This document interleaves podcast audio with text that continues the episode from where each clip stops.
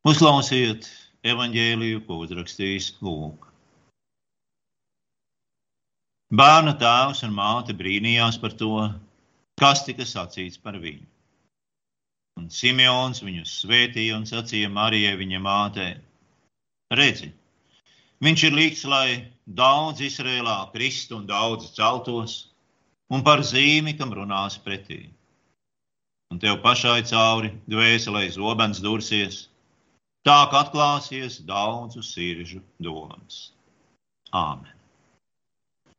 Mēs izmantosim iespēju un pakavēsimies šodien vēl pie Kristus dzimšanas svētku temata. Tātad, kad Jēzus vecāki 8. dienā pēc viņa dzimšanas atnesa bērnu uz templi, lai apbraizītu, tur bija kāds vecs vīrs vārdā Simeons, kurš gaidīja Kristus atnākšanu. Un, kad svētā ģimene devās viņam garām, Svētā gara mudināts Simeons saprata, ka tas, kuru viņš gaidīja, ir atnācis. Paņēmis bērnu rokā, Simeons sacīja dažus vārdus, sauktus par nunc diminitis, kas uz visiem laikiem palika kristīgās baznīcas liturģijā. Šie vārdi skan šādi. Tagad atlaid kungs savu kalpu mierā, kā tu esi sacījis, jo manas acis ir redzējušas tavu pestīšanu. Šādi Simons pateicas Dievam, ka viņš tam ir ļāvis piedzīvot Kristus atnākšanu un redzēt viņu pašam savām acīm. Un tomēr tas nav viss, ko Simons sacīja. Lūkas stāsta, ka Jāzepam un Marijai izbrīnā klausoties. Simons raudzījies tieši uz Mariju un sacījis: šis bērns ir likts, lai daudzi Izrēlā kristu un daudzi celtos. Un par zīmi, kam runās pretī. Un tev pašai cauri dvēselē zobens dursies, tā kā atklāsies daudzu sirdžu domas. Ir saprotams, kādēļ šie Simeona vārdi ir samērā maz pazīstami. Neviens nav šiem vārdiem sacerējis mūziku. Tos nelasa Kristus dzimšanas svētku dievkalpojumos, bet to vajadzētu. Jo tie ir daļa no tā, ko Bībele saka par Ziemassvētku vēstu saturu. Mums vajadzētu to dzirdēt un labi iegaumēt. Kādēļ? Ziemassvētku svinības parasti fokusējas uz jaukumu, mīlīgumu un gaisu uz to, kā Kristus nākšana visiem nes mieru un prieku. Protams, tas nav nepareizi, bet viss nav arī tik vienkārši. Jo miers un prieks parasti nāk caur ciešanām un sāpēm. Kādā vietā Jēzus pat saka saviem mācekļiem, lai tie nedomā, ka viņš ir nācis, lai nestu pasaulē mieru, bet drīzāk zobenu. Viņš gan tūdaļ turpina, lai novērstu pārpratumu, ka viņš ir nācis pasaulē, lai vairotu varmāci. Drīzāk viņš vēlas pasakīt to, ka uzticība un lojalitāte viņam nesīs konfliktu gan starp cilvēkiem, gan pašos cilvēkus. Vēl vairāk. Jēzus burtiski padara cilvēkus trakus un bieži rada cīņas un nemieru.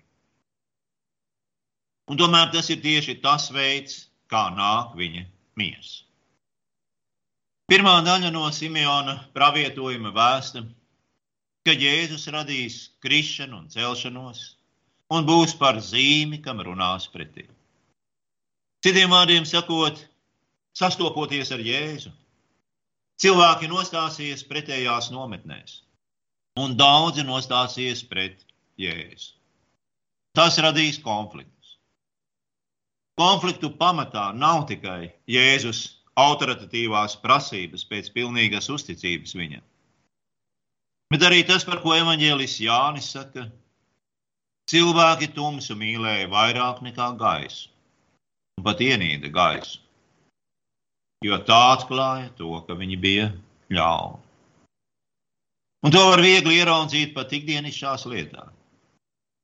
Proti, tiklīdz kāds nāk pie kristīgās ticības un atsakās iesaistīties par ieradumu kļuvušā apkārtējā korupcijā un citā ļaunumā, piemēram, aprunāšanā un tā tālāk, tā tūdaļ rodas naids. Ziemassvētku silīti ar Kristus bērnu tajā atklāja, ka ja jūs mēģināsiet savā dzīvē patiesi sekot Jēzus mācībai, tad tāpat kā Jēzus bērnam Bēltlemē, arī jums daudzās mājvietās vairs nebūs vietas. Agrīnās kristietības laikos romiešu sabiedrībā bija pa pilnam dievu, reliģisku kultu un mistēriju reliģiju. Katram varēja būt sava privāta ticība un pašam savi dievi. Bet tiklīdz, tiklīdz lieta nonāca līdz publiskai goda došanai, piemēram, kādas pilsētas dievībai vai pašam imperatoram, tad ikvienam bija jāpiedalās. Atteikšanās piedalīties daudzajos kultos un ceremonijās radīja aizdomas, neapmierinātību un pat dusmas. Jo tika uzskatīts, ka dievus nevar aizvainot. Tie var atriepties visai kopienai. Un tā jau pavisam drīz kļuva skaidrs, ka kristietība stipri atšķiras no visām pārējām reliģijām. Kristiešiem ne tikai nebija priesteru upuru un tempļu, bet viņu upurēšanu ikvienai citai dievībai uzskatīja par augdievību. Kristiešu pārliecība, ka Jēzus bija ne tikai viens no daudzajiem dieviem, bet vienīgais dievs. Tā laika reliģiski plurālistiskajā sabiedrībā nostādīja kristiešus kolīzijā gandrīz ar ikvienu. Kristieši ar savu neiecietību tika uzskatīti par draudu visai pārējai sabiedrībai.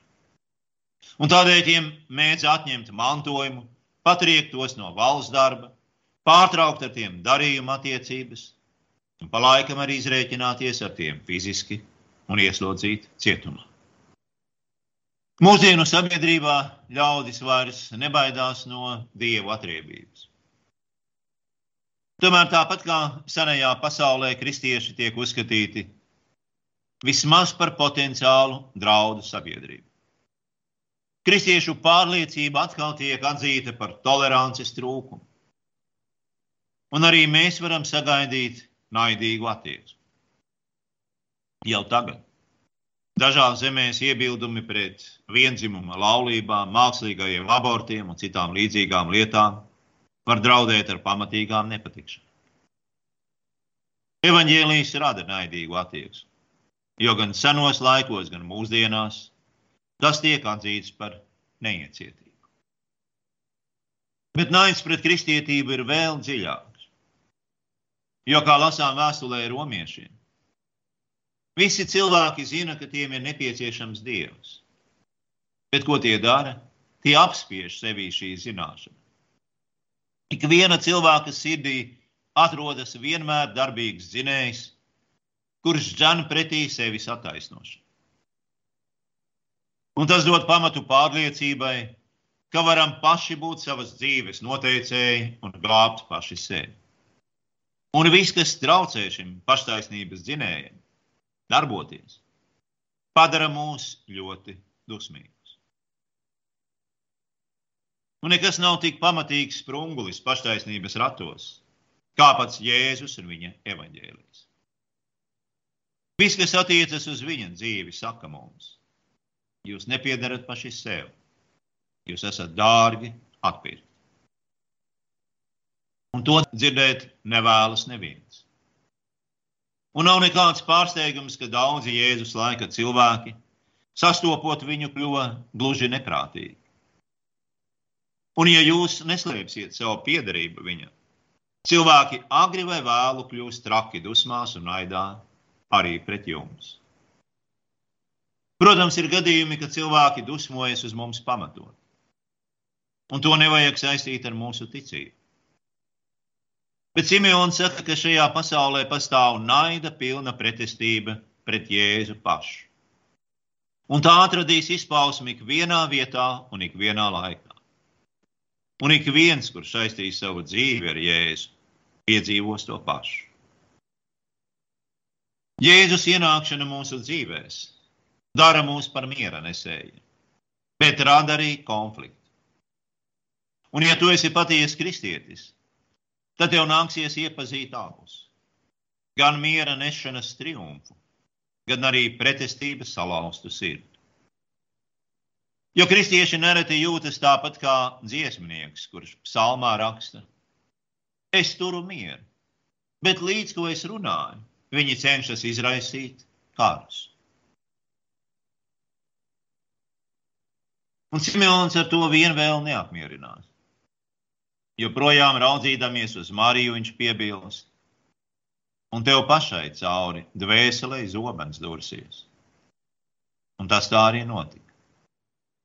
Mēs zinām, ka Marija stāvēja pie krusta un vēroja savu dēlu mirsti. Jā, viņa zināja un gadu gājumā pārdomāja visas liecības par savu dēlu. Par to, ka viņš ir tas kungs, Kristus, Mesija. Tomēr tāpat kā ik viens, kas bija viņa tūmā, viņa negaidīja agru, briesmīgu nāvi un pēc tam augšām celšanos. Tāpat kā Jēzus mācekļiem, Viņai būs šķitis, ka krusts ir asiņainas, prātam neaptveramas visu cerību un sapņu beigas. Šai briesmīgajai vilšanās sajūtai Marija varēja pievienot savu agonu. Bezgalīgas sāpju pilnas skumjas, kas rodas zaudējot savu bērnu un redzot viņu mirst. Jau pirms tam Jēzus kalpošana bija radījusi Marijā lielu neizpratni. Marka evanģēlijā mums tiek sacīts, ka Jēzus māte un brāļi viņa apgalvojumus un rīcību uzskatīja par galēju neprātu. Mums tiek sacīts, ka viņi vēlējās ar varu vest viņu uz mājām, jo viņš ir bez prāta. Un kad viņi ieradās pie Jēzus, kur viņš sludināja, un vēlējās vest viņus mājās, Jēzum nācās viņus norādīt. Tas nenozīmē, ka viņš sarāva savas attiecības ar māti. Ja viņš skaidri sacīja, ka mīl viņu un parūpējās par viņas apgādību, pat pie krusta atrastami. Bet tad, kad Marija un pārējā viņa ģimene sacīja, lai viņš beidz sludināt un mācīt, Jēzus atbildēja: Tas ir mana māte un mani brāļi. Kas dieva prātu dara, Tas ir mans brālis, māsa un māte. Ir tikai daži cilvēki jaunajā derībā, kuri ir pievilcīgāki un apbrīnojamāki par Mariju. Mēs zinām viņas brīnišķīgo atbildi eņģelim un gudro atbildi ganiem. Bet šeit mēs redzam, ka pat Marija netika ar visu īsti skaidrību. Viņa ļoti nopietni maldījās, domās par savu dēlu, par to, kam jātiek darītam un kādai jābūt viņas pašas atbildē. Viņa mēģināja viņu apturēt, pārtraukt viņa kalpošanu. Kalpošanu, kas nozīmēja pasaules glābšanu. Un tā bija milzīga kļūda. Un viņa pārmetums mātei būs bijis tikpat pamatots, cik sāpīgs. Ja tu mīli Jēzu un viņš ir tavā dzīvē, tad arī caur tavu sirdi spiedīsies zobens. Tad arī tavā sirdī būs iekšējs konflikts, dažreiz apmulsums, dažreiz lielas sāpes. Tu kļūdīsies, pat cīnīsies pret viņu, un cīnīsies arī pats pret sevi. Kādēļ? Tādēļ, ka kristieti var pazīt pēc tā, ka viņa sirdī ir gan karš, gan miers. Kad cilvēks paļaujas uz Kristu, tad daudzas cīņas beidzas. Tā cilvēks vairs necenšas pierādīt sevi, rast savu identitāti, rast dzīves jēgu, kas ļautu panest ciešanas, rast patiesu apmierinājumu. Tad visas šīs cīņas beidzas līdz ar patiesu ticību Kristu. Un tomēr sākas virkne jaunu. Ir kristieši, kas laiku pa laikam apmeklē baznīcu, ir kristīti un laulāti baznīcā. Visi viņus uzskata par kristiešiem, un beigu beigās viņi tiek apglabāti ar godu kā patiesi kristieši. Tomēr visās savas dzīves laikā tie neko tā arī nav zinājuši par garīga rakstura strīdiem, iekšējām dvēseles cīņām, cīņu par ticības lietām, sevis aizliekšanu, krustā sišanu, modrību, karošanu par patiesību. Un tādējādi tie nav Bībeles kristieši. Tā nav ticība, kuru atnesa Kristus un sludināja viņa apakstu. Patiesa ticība vienmēr ir cīņa. Patīk tas mums vai nepatīk. Mēs īsi apskatīsim divus veidus, kā tas notiek. Pirmkārt, Dieva miers nāk pēc iekšējas grēku nožēlas cīņas. Grēku nožēla ir kā dezinfekcijas līdzeklis. Kad to uzliek uz brūces, tas rada sāpes, bet ļauj brūcē labi sadzīt. Nu, lūk, tas ir veids, kā notiek atgriešanās. Atgriešanās rada briesmīgu iekšēju nemieru. Jo nākas atzīt tādas lietas par sevi, kuras neviens nevēlas atzīt. Nākas runāt patiesību, pilnīgu patiesību par sevi. Un ir jāatzīst arī savus vājumus tādā mērā, kādā neviens to nevēlas. Un tomēr tas ir vienīgais ceļš uz mieru, uz salīdzināšanos un piedošanu. Tas vēršas pret lepnību, paštaisnību, pret visu to smago nastu, ko sev līdzi nes un stiepi katrs, un kuru Jēzus tik laipni aicina apmainīt pret viņa vieglo nastu. Šī apmaiņa ir priecīga un līga, bet ceļš uz to ir ēršķiem klāts. Tas ir sāpīgs un nepatīkams. Otrakārt, Dieva miers nāk pēc pakļaušanās. Vēstulē romiešiem Pāvils runā par iekšējo kara stāvokli starp kristieša veco un jauno cilvēku. Vecais cilvēks vienmēr vēlas, lai mēs paši būtu savas dzīves noteicēji. Bet jaunais cilvēks pazīst mieru, kas nāk no tā, ka mēs ļaujam Dievam būt Dievam. Un kad abas gribas saduras, kad saduras vecais un jaunais cilvēks, tas, kurš pats grib valdīt, un tas, kurš ļauj dievam valdīt, tad, protams, sākas cīņa. Bet tad, kad tiekam cauri šīm cīņām, un beidzot sakām, lai notiek tavs, nevis mans prāts, tad miers mūsos kļūst dziļāks un pilnīgāks. Nevienam nekad nav apzināti jāmeklē ciešanas, jo tās pašas vienmēr atradīs mūs. Bet tad, kad tas notiek, Un beigās mēs pazemīgi atzīstam, ka Dievs labāk par mums zina, kā pārvaldīt šo pasauli. Tad sirdī ienāk miers un prieks. Norūdās raksturs, un mēs gūstam spēku, ko nav iespējams iegūt nekā citā. Jēzus sacīja, ka viņš ir nācis nest zobenu, un Simons sacīja to pašu. Ko tas nozīmē? Tas nozīmē, ka Jēzus dēļ mums nāksies piedzīvot naidu un agresīvu attieksmi pret mums. Tas nozīmē, ka mūsu dzīvē būs daudzas sāpīgas cīņas. Un Kristus dzimšanas stāsts māca mums nenodoties sevis žēlošanai un nebūt arī to redzīgi. Bet redzēt, ka ticības cīņas ved pie dziļāka miera un prieka. Simeona sacītais nozīmē, ka kristiešiem vajadzētu sagaidīt un būt gataviem nepatikšanām. Viņiem jābūt gataviem uz iekšēju cīņu un arī uz uzbrukumiem no ārienes. Kā ceļu uz mieru. To nozīmē tas, ka mēs nesam savā dzīvē krustu. Un mēs to skaidri redzam pie Jēzus, kā viņš atnesa mieru ar savām ciešanām pie krusta. Un tādēļ mums nevajadzētu būt pārsteigtiem, kad mūsu dzīvēs ienāk garīga rakstura cīņas.